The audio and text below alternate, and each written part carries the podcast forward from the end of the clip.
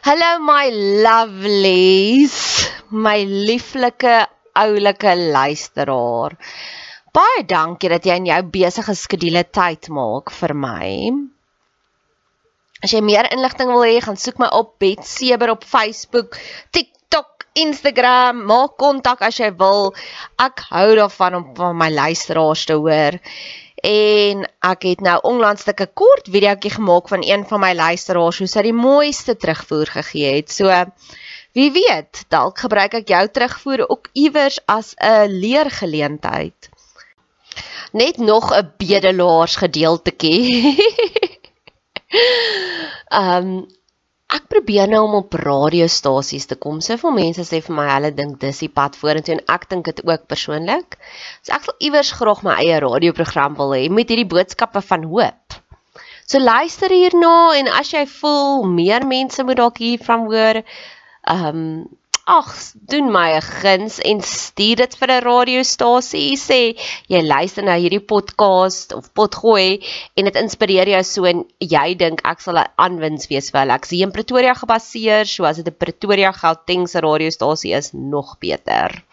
So, Jesus sê mos jy het nie want jy vra nie, so nou vra ek. Ek het nog 'n uitnodiging wat ek graag aan jou wil voorlê vir die volgende 15 kommentare wat ek kry. Positiewe, uplifting, persoonlike kommentare. So moenie net sê jy het lekker geluister nie. Sê vir my hierdie gedeelte was wat vir jou aangeraak het. Vir die eerste 15 wat 'n kommentaar lewer, sal ek sal ek met jou kontak maak en ek sal 'n podcast net vir jou maak. Ons kan gesels oor 'n probleem in jou lewe, ons kan gesels oor jou drome, ons kan gesels as jy getuienis het, wat ook al. Ons kan 'n onderhoud voer of ek kan dit 'n podcast opdra na jou toe. Ons kan dit anoniem hou of jy kan jou naam noem net soos wat dit jou pas. Jy is welkom om kommentaar te lewer hier op hierdie podcast kanaal, op ons Instagram, op Facebook, op TikTok, ek's oral. Ek sien uit daarna. Nostalgie. So kom ons praat oor nostalgie. Sy begin hier om te vertel nostalgie is 'n double-edged sword. Nou die Bybel praat ook in Hebreërs daarvan dat hy sê die Bybel is 'n tweesnydende swaard. En vir die eerste keer vanoggend maak dit vir my sin, so sin. Die Here is so amazing. Hy flirt so lekker. Hy gee vir my praktiese voorbeelde. Net so good, so good. So, wat beteken 'n double-edged sword? Dit beteken vir my is dit dis soos wyn. Wyn kan die mees positiefste ding wees as dit reg gebruik word. Of dit kan die mees toksiesste, destructive dink aan dronk bestuurders, dink aan abusers wat wyn drink en aanslaan hulle vrouens. Dink aan alkoholiste wat ja, families uitmekaar uitspat. Of 'n double-edged sword soos Benados. As jy hoofpyn het en jy drink 'n Benado, is dit jou redding as jy selfmoordgedagtes het jy drink te veel Panados of ek het ek het 'n kerel gehad wat verslaaf was aan een of ander pyn. Ek dink dit was Panados. Hy was verslaaf daaraan. So dit was 'n verslawing, 'n kodeïn verslawing. En dis nostalgie. Vooroggend sit ek hierso en ek sien 'n tanned mongoose. En ek smile want ek weet wat is 'n tanned mongoose en dis te danke aan my boyfriend van hierdie jaar, ex-boyfriend nou. Van tevore sou dit net nog 'n diertjie gewees het. Ek sou nie geweet het o, mense kry water mongoose, banded mongoose, tanned mongoose nie. So ek het God se skepping nog beter leer ken deur dit. Of dassies is ook maar dieselfde familie en ek kan onthou ons het 'n oomblik gehad op die bo op um op die uh Tafelberg En wat ek vir hom gesê het, o, dassies is maar net rotte met cuter outfits en hy het homself geskater lag daar. Maar dit maak nie dat ek terug verlang na hom toe nie. Dit maak nie dat ek soos wensels is weer bymekaar nie. Dis 'n oomblik. Hy het my lewe verryk. Ek glo ek het sy lewe verryk. And that's all it is. is that all it is. That's all it is. Dis daai vrede. Ek is dankbaar vir die mongoose wat my laat dink het dis wat 'n amazing jaar ek gehad het. Maar ek kyk vorentoe met ryk halsende verwagtinge wat in die toekoms gaan oplewer. Dis 'n double-edged sword waar mense reminiscent raak, waar hulle te toksies begin dink aan die aan die verlede. My ex-ex kerel was so. Hy het uh, my kathedraalsvriend. Ek dink van hier af sal ek die, kerel van 2022 my veldgids noem, want hy het my baie geleer van die natuur. Die kathedraalsvriend het um sy praat ook hiervan hoor hierdie stukkie wat's my dadelik Reminiscence focus on the past, on the things about ourselves that we're stuck on. Nou my kathedraalsvriend, hy was hy was stuck in a moment van daai liedjie van YouTube. Hy het so seer gekry want hy is so trauma onfiks. Die oomblik toe sy ouers dood gegaan het, dat hy het besef hy gaan nooit weer iemand so naby toelaat nie want dit maak net te seer. En die een keer toe sy hondjie dood, toe sê hy vir my, "Kyk Nadia, dis hoekom ek niemand toelaat in my hart nie, want dit maak dit te seer as hulle nie meer daar is nie." En dit het gemaak dat hy hy's eensaam. Of nog 'n voorbeeld van negatiewe nostalgie is en ek het baie positiewe nostalgie. Ek het hier letterlik soos altare van oomblikke, so ek's baie nostalgies. My spreekkamer by die werk is meer 'n museum van al die liefde wat ek het in my lewe. Ek sit hier so en kyk vir my pink JC Leroux bottel wat my vriendinne vir my mee verras het op my 40ste verjaarsdag. En ek het die bottel gehou want dit bring vir my joy om daarna te kyk. Ek sien hierso my Lotus parfuum wat my ander vriendin vir my van Egipte afgebring het. Maar dit maak nie dat elke dag wanneer ek nie Lotus parfuum kry nie dat dit 'n dag is nie of ek het hierso so 'n uh, 'n Seattle Coffee Company sleeve want ek het vir 'n hele jaar lank gewerk aan 'n vriend van my dat hy sy hart moet oopmaak vir my en toe het hy toe het hy my uitgevat vir koffie op sy donkerste dag en ons het daar gesit en praat. So ja, dit is 'n ek is dankbaar want al hierdie tokens, al hierdie nostalgie sê vir my Nadia jy is geliefd ongeag van wat aangaan, jy het soveel liefde van die mense rondom jou. Maar 'n negatiewe een is nou hierso verduidelik sy dit ook so wanneer dit negatief gebruik word, soek hulle 'n willen. Ek gaan hom sommer vir jou lees. This combination of rumination and nostalgia emerged from our research as destructive and disconnecting. Disconnecting is baie belangrik. If you're wondering how dangerous the combination can be, think back to the insurrection at the US Capitol on January 6, 2021, or examine the strategy used by every author, author authoritarian leader in history. Exploit fears by photoshopping a picture of yesterday to be everything people wanted it to be but never was. Seduce people into believing that a make believe past could exist again. And give them someone to blame for the picture and not being able to restore the mythical utopia. toe ek dit hoor, toe ek sê, "O, dit maak nou sin." So wat gebeur het is ons het uh, baie tyd as 'n gesin saam spandeer toe ons klein was, maar dit was nooit vredevol nie. Daar was altyd hierdie onderliggende konflik. Maar ons het op baie fancy vakansies gegaan. So my ma is 11 jaar terug dood en 3 maande nadat my ma dood is, het my pa weer getroud. En ons het met hom geveg en gesê moenie so vinnig trou nie. Ons moet almal saam rou al is hierdie ongemaklik. En hy het dit onneem van ons. So as 'n resultaat het ek en my boeties baie closer geraak want ons het saam gerou. So ons het hierdie verskriklike tight bond ontwikkel omdat ons was bereid om deur daai pyn te gaan. Toe het die toe het hy die patriarg in my lewe het die hele tyd gesê ek wil die hele tyd net hê ons moet weer 'n happy family wees. En ek staan nou op in my rebellie en ek is soos ek wil nie deel wees van dit nie want dit is so toksies. En wat hy nou doen is hy veroorsaak nou baie konflik. Ek is nou die villain in die storie van hoe durf ek om nie saam met hulle dinge te doen nie. En hy veroorsaak nou verskriklik baie konflik tussen my en my broers. Hy disconnection. Daar's hierdie disconnection, maar ek het baie vrede daarmee. Ek weet ons band wat ons gebou het, die siblings is so sterk, dit sal eventually weer by mekaar uitkom. Maar dis presies wat gebeur met negatiewe nostalgie. Al wat hy onthou, die patriarg is, o, ons het wonderlike vakansies saam gehad. En die een wat daar is om dit blameer omdat dit nie meer daar is nie, is, is ek nou. En ek weet dis als bullshit.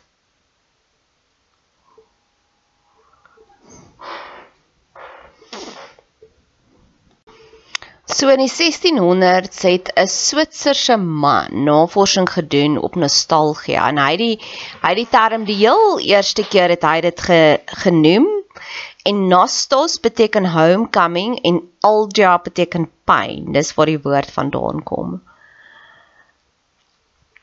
En hy het opgetel dat mense wat dit het het 'n loss of appetite hulle hallusineer hulle lewe in 'n droomwêreld En daardie soldate kon nie meer veg nie. Hulle kon nie meer presently a moment aware wees nie. En hulle het dit behandel, die brutality, maar dalk het ons sulke brutality nodig tans om hulle te brand met warm eisters of om hulle lewendig te begrawe. Nou ek hou van daardie lewendige begrafnis want dit is letterlik as jy te veel nostalgies is, is jy dood. Jy's 'n zombie. Jy gaan net deur emotions. Jy het 'n loss of appetite. Niks maak meer vir jou lekker nie. Niks is meer vir jou lekker om te eet of te drink nie.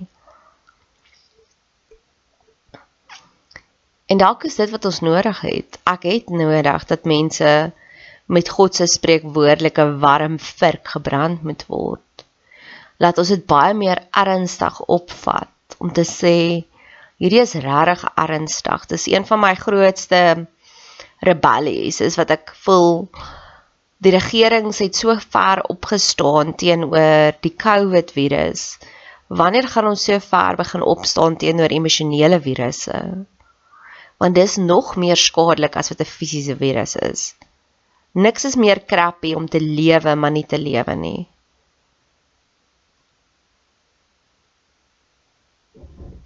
En ironies genoeg my katedraalsvriend wat 'n katedraal noem, ek het altyd gesê hy het vir my gevoel soos he feels like home to me. Dit is die mens wat ek wil wees die meeste in die lewe, die mens wat ek is by hom. So hy het 'n gedeelte van my siel laat huis toe kom wat ek nog nooit enige ander plek ondervind het nê. En dit is my interessant dat ek nou besef maar dit is sy grootste probleem. So nostalgie wat sy hierso sê is, sy sê dit groei gewoonlik uit hartseer oomblikke. Nou myne is nie so nie. Ek dink dis hoekom ek hierdie boek so hierdie boek my so irriteer want my nostalgie is positief. Maar dit gee vir my nou 'n kykie met my ex-kerel met die veldgids het hy eendag hierdie foto's aan my gewys van sy twee dogtertjies. Nou hy's baie hy's baie committed, 'n baie committed pa eintlik so 'n bietjie te veel want hy het hulle twee spoiled brats groot gemaak. So hy het ook maar vir hulle agterstand gegee. En ehm um, toe die dogtertjie so 3 en 5 jaar oud was, so sê hy vir my hy was mal oor die ouderdom toe sy dogtertjie so klein was. En in daai oomblik het ek gedink, "Wow, dis so sweet." Maar nou besef ek dis omdat hy besef hy het 'n jaar gehad waar die kinders het nou groot geword, is alles in hulle 20's. Hulle is selfstandig en hulle het hom nie meer nodig nie. En daai was eintlik 'n baie negatiewe emosie van hom om dit so te besef.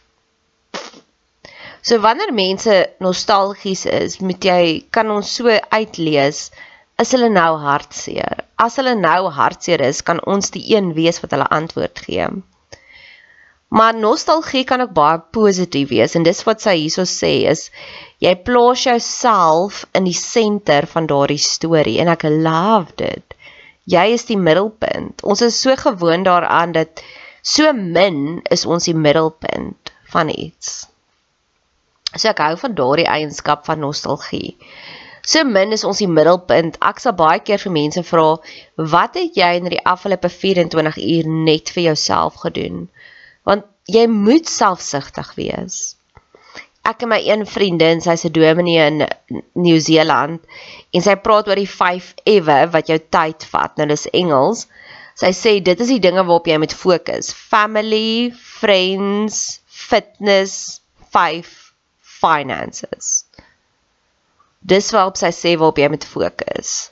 Ek besef nou net dalk is dis ek val goed, maar waar kom selfsorg in? En toe sê sy, toe sê ek vir dalk by 5.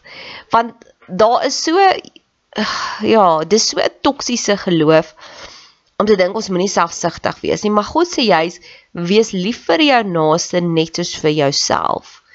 Die mense wat ek die meeste love, wat die meeste liefde kan uitdeel, is die mense wat selfsugtig is.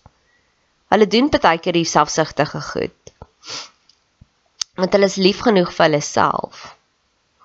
So ek hou van daardie oomblik van nostalgie waar jy jouself in die middelpunt plaas. So dis 'n baie positiewe ding want jy raak nostalgies oor die goeie verlede. En dan was jy die middelpunt daarvan want daai oomblik wat jy create het, het vir jou gedien. En dis maar die positiewe kant van nostalgie. Nostalgia can serve us psychologically by increasing positive feelings and helping us navigate successfully the vicissitudes of daily life. Now, vicissitudes beteken a change of circumstances of fortune, typically one that is unwelcome or unpleasant. So ja, om nostalgies te wees kan ons help om daardie onvoorsiene veranderinge ook te face soos ek sê, ek is nostalgies die een um dingetjie wat ek hier het is die sleeve van die Seattle Coffee Company. En daai persoon gaan nou deur 'n egskeiding en dit raak baie lelik tans, maar die hele tyd vat ek hom uit terug en sê ek vir hom jy het die regte ding gedoen. Hy het met sy vrou getrou omdat hy haar jammer gekry het. Sy was nooit sy eerste keuse nie.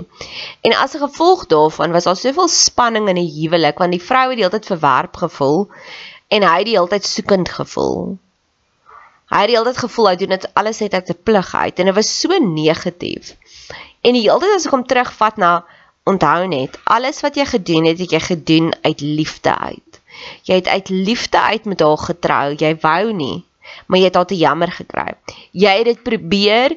Julle was toksies vir mekaar as 'n resultaat daarvan. Jy het uit liefde uit uitgestap want jou kinders het dit gevoel, daardie onderliggende spanning. So hierdie wat jy nou ondervind en sy is nou 'n volkomme bitch met hom, wat ek ook kan verstaan want hy was alles wat sy wou gehad het, maar sy was nooit die een vir hom nie. So sy kryf nog steeds na hom toe en ek bid gereeld vir hulle want ek bid regtig dat sy kry 'n man wat haar gaan aanbid want dit is wat sy verdien. Sy verdien nie daardie tweedehandse um liefde nie. Dis wat berading doen, dis wat terapie doen, dis wat life coaching doen. Jy gaan na jou grootste slegste punte toe en dan sê jy vertel jy vir jouself 'n storie wat dit alles meer sin maak en dis nostalgie. Dis wat reflektering doen. Soos die patriarg in my lewe is 'n horrible mens. Maar ek het ook empatie met hom want ek weet sy eie ma het hom verwerp, my ouma het hom verwerp as 'n babatjie. En daar het hy nooit geleer van emosies nie. As 'n kind onder 2 jaar verwerp word, word hulle 'n psigopaat. En my ouma het dit net gedoen omdat sy haar eersgeborene af verloor aan wiegie dood en dit het haar so seer gemaak. Tot en met haar sterfbed het sy meer gepraat oor van oorlede babatjie as oor haar oor my pa.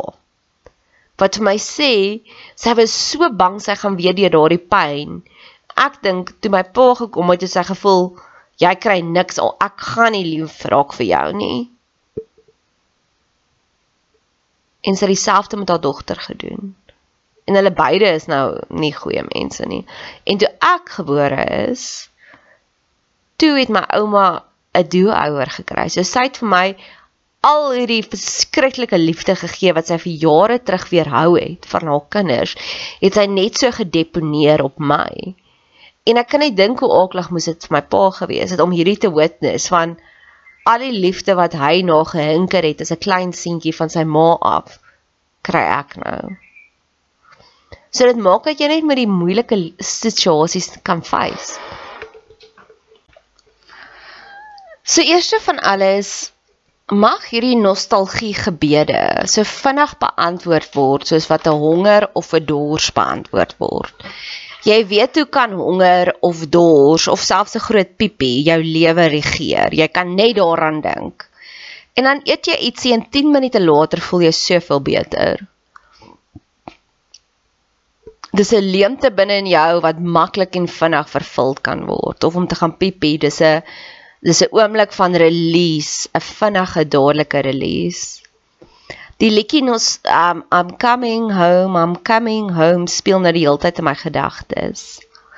En ek weet ook dis omdat dit nostalgie is. Dit is 'n verlange na die huis, na jou emosionele tuiste. En sy beskryf dit hierso as a dog whistle used to resist important growth in families. Nou Brené Brown is vir my baie negatief. Sy sê ja, sy maar ten minste werk sy aan haarself. So dis amazing. En ek sien dit ook as 'n dog whistle want en ek het vir lank gewonder hoekom gebruik sy daai metafoor. 'n Hondefluitjie, as iemand hom blaas en hy's op so 'n hoë frekwensie kan net honde dit hoor. Mense kan dit nie hoor nie. So dis net 'n sekere tipe van geaardheid wat dit kan hoor. En ek en jy het hierdie behoeftes, hierdie verlange binne in ons wat net ons kan hoor, wat net ons kan voel terug na die perfekte tuiste toe. En dit is wat hierdie hoofstuk vir my so magical maak. Ons almal se tuiste lyk like anders. Ons almal hoor 'n ander vletjie.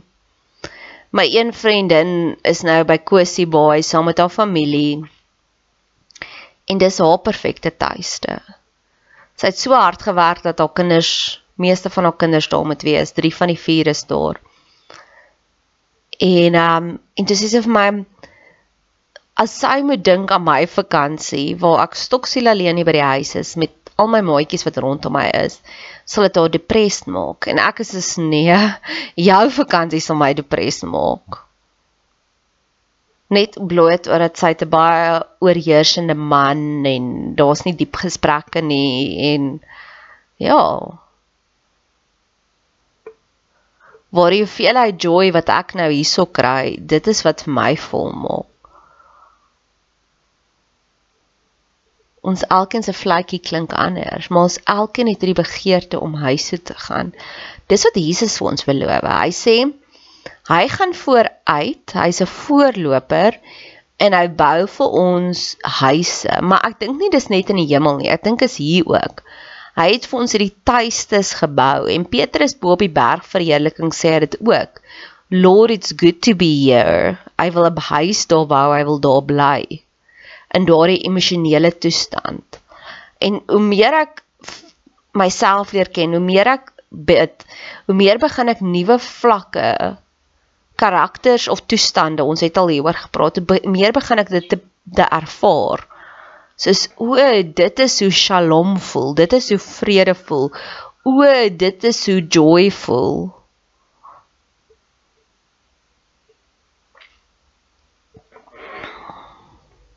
Sy verduidelik verder, ek hou baie daarvan. Daar's twee tipe van nostalgies. Sy sê daar's reflekterend waar jy reflekt oor jou lewe en ek is 'n groot voorstander van reflekteer. Ek sal terugkyk na, "Ag, oh, daai was 'n awesome naweek. Dis wat dit so lekker gemaak het. Dis waarvan ek meer wil hê." Of, "Ooh, hierdie was 'n bietjie sleg, so dis hoekom dit vir my sleg was. Daai persoon se woorde het gaan sit in my siel. Ek gaan dit skoonmaak. Ek gaan dit detox. Ek gaan dit uitkry. Ek skryf vir myself nuwe battle plans. Maar dan staan 'n ander woord wat sy gebruik, rumination. Nou Dis so interessant. Rumination in Afrikaans beteken herkou. Nou ek ek sê al vir jare lank, die Here het vir ons gesê ons mag net diere eet wat herkou in die Ou Testament. Maar toe Jesus gekom en al daai reëls vervang of verbeter en um, nou kan ons enige dier eet. Maar die punt van die saak is hoekom die Here dit gegee het, is want hy het vir ons gesê neem dinge in wat herkou, hopelik dan gaan jy meer herkou. Want dit is in herkou, in refleksie waar ons dankbaarheid groei, waar ons besef, "Wow, hierdie persoon is so amazing." Maar wanneer jy te veel negatief herkou, wanneer jy net kyk na die goeie ou dae, die apartheidsdae, jou kinderdae en jy onthou net die goeie en jy vergeet die slegte en jy wens jy's weer terug daar, steel dit jou motivering om dinge anders te doen. En dit is my so groot punt. Want ek het letterlik hierdie vriendin vir wie ek net liefde in my hart het vir haar sy is een van die mees awesomeste human beings. Maar hulle is in 'n verskriklike toksiese situasie en ons almal skinderliggies daaroor want sy wil nie praat nie, sy wil nie praat daaroor nie. En ek besef nou o, dis hoekom. Ek het al soveel kere mense gesien wat net op hierdie negatiewe toksiese paadjie af is en dan wonder ek hoekom wil jy nie verander nie? Maar nou besef ek en dis wat hierdie boek the gift that keeps on giving die altyd vir my gee van ek verstaan nou wat is die emosie agter dit? Wat sy ook heeltyd hierso sal sê Brené Brown sal sê iemand sal dit sê maar wat hulle eintlik bedoel is dit wat hulle eintlik bedoel is dit wat hulle eintlik bedoel is dit Nou ek voel ook so mense 90% van ons kommunikasie is haptic communication. Dis nie wat ons sê nie, dis wat die emosies daar agter is. So ek geniet dit om dit so te ontsyfer. Wat vir my sleg is van hierdie boek is sy gee nie vir jou 'n oplossing nie. Sy gee nie vir jou 'n coping plan van okay. Sy sy skets dit vir jou. Ek dink dis dis wat hierdie boek vir my so toksies maak, besef ek nou. Dis tipies sielkunde. Dis hoekom ek nie van sielkundiges hou nie. Ek hou meer van beraders en dan baie meer van life coaches. Sielkundiges kom net in hulle skuddy hokkie, maar hulle gee nooit vir jou 'n oplossing nie. En dis ja. So daar's 'n plek, daar's 'n plek dat jy die die lig moet sien, maar berading gee vir jou die oplossing. Berading is is okay, jy het hierdie probleem, jy het PTSD, dis hoe ons dit gaan genees. Hulle plaas nie net 'n label daarop en gee vir jou pil nie. dis nie 'n quick fix nie, dis die dis die real thing. So ja, ek gee dit net maar weer terug vir die Here om te sê, Here, U weet wie's die mense wat net nooit wat ja, wat hy nooit die plan deurvoer nie, wat die motivering is gezap, gesteel. Ek dink aan my kollega ook. Ek het in einde November het ek gegaan vir hipnosebehandeling en toe sê ek vir haar ek het gegaan vir dit. So ek is letterlik nou in terapie oor die toksiese ouer in my lewe. En ehm um, ja, en toe sê ek vir haar en toe sê sy o, iemand het al 2 jaar terug vir haar gesê dalk moet sy gaan vir hipnose. Toe sê ek en hoekom gaan jy nie? Sy sê nee, want ek onderdruk te veel goed. Oh my word. So sy sal net eerder in daai stikkende plek bly En dis juist die doel van hipnose is om daai onderdrukte emosies uit te bring sodat dit genees kan word.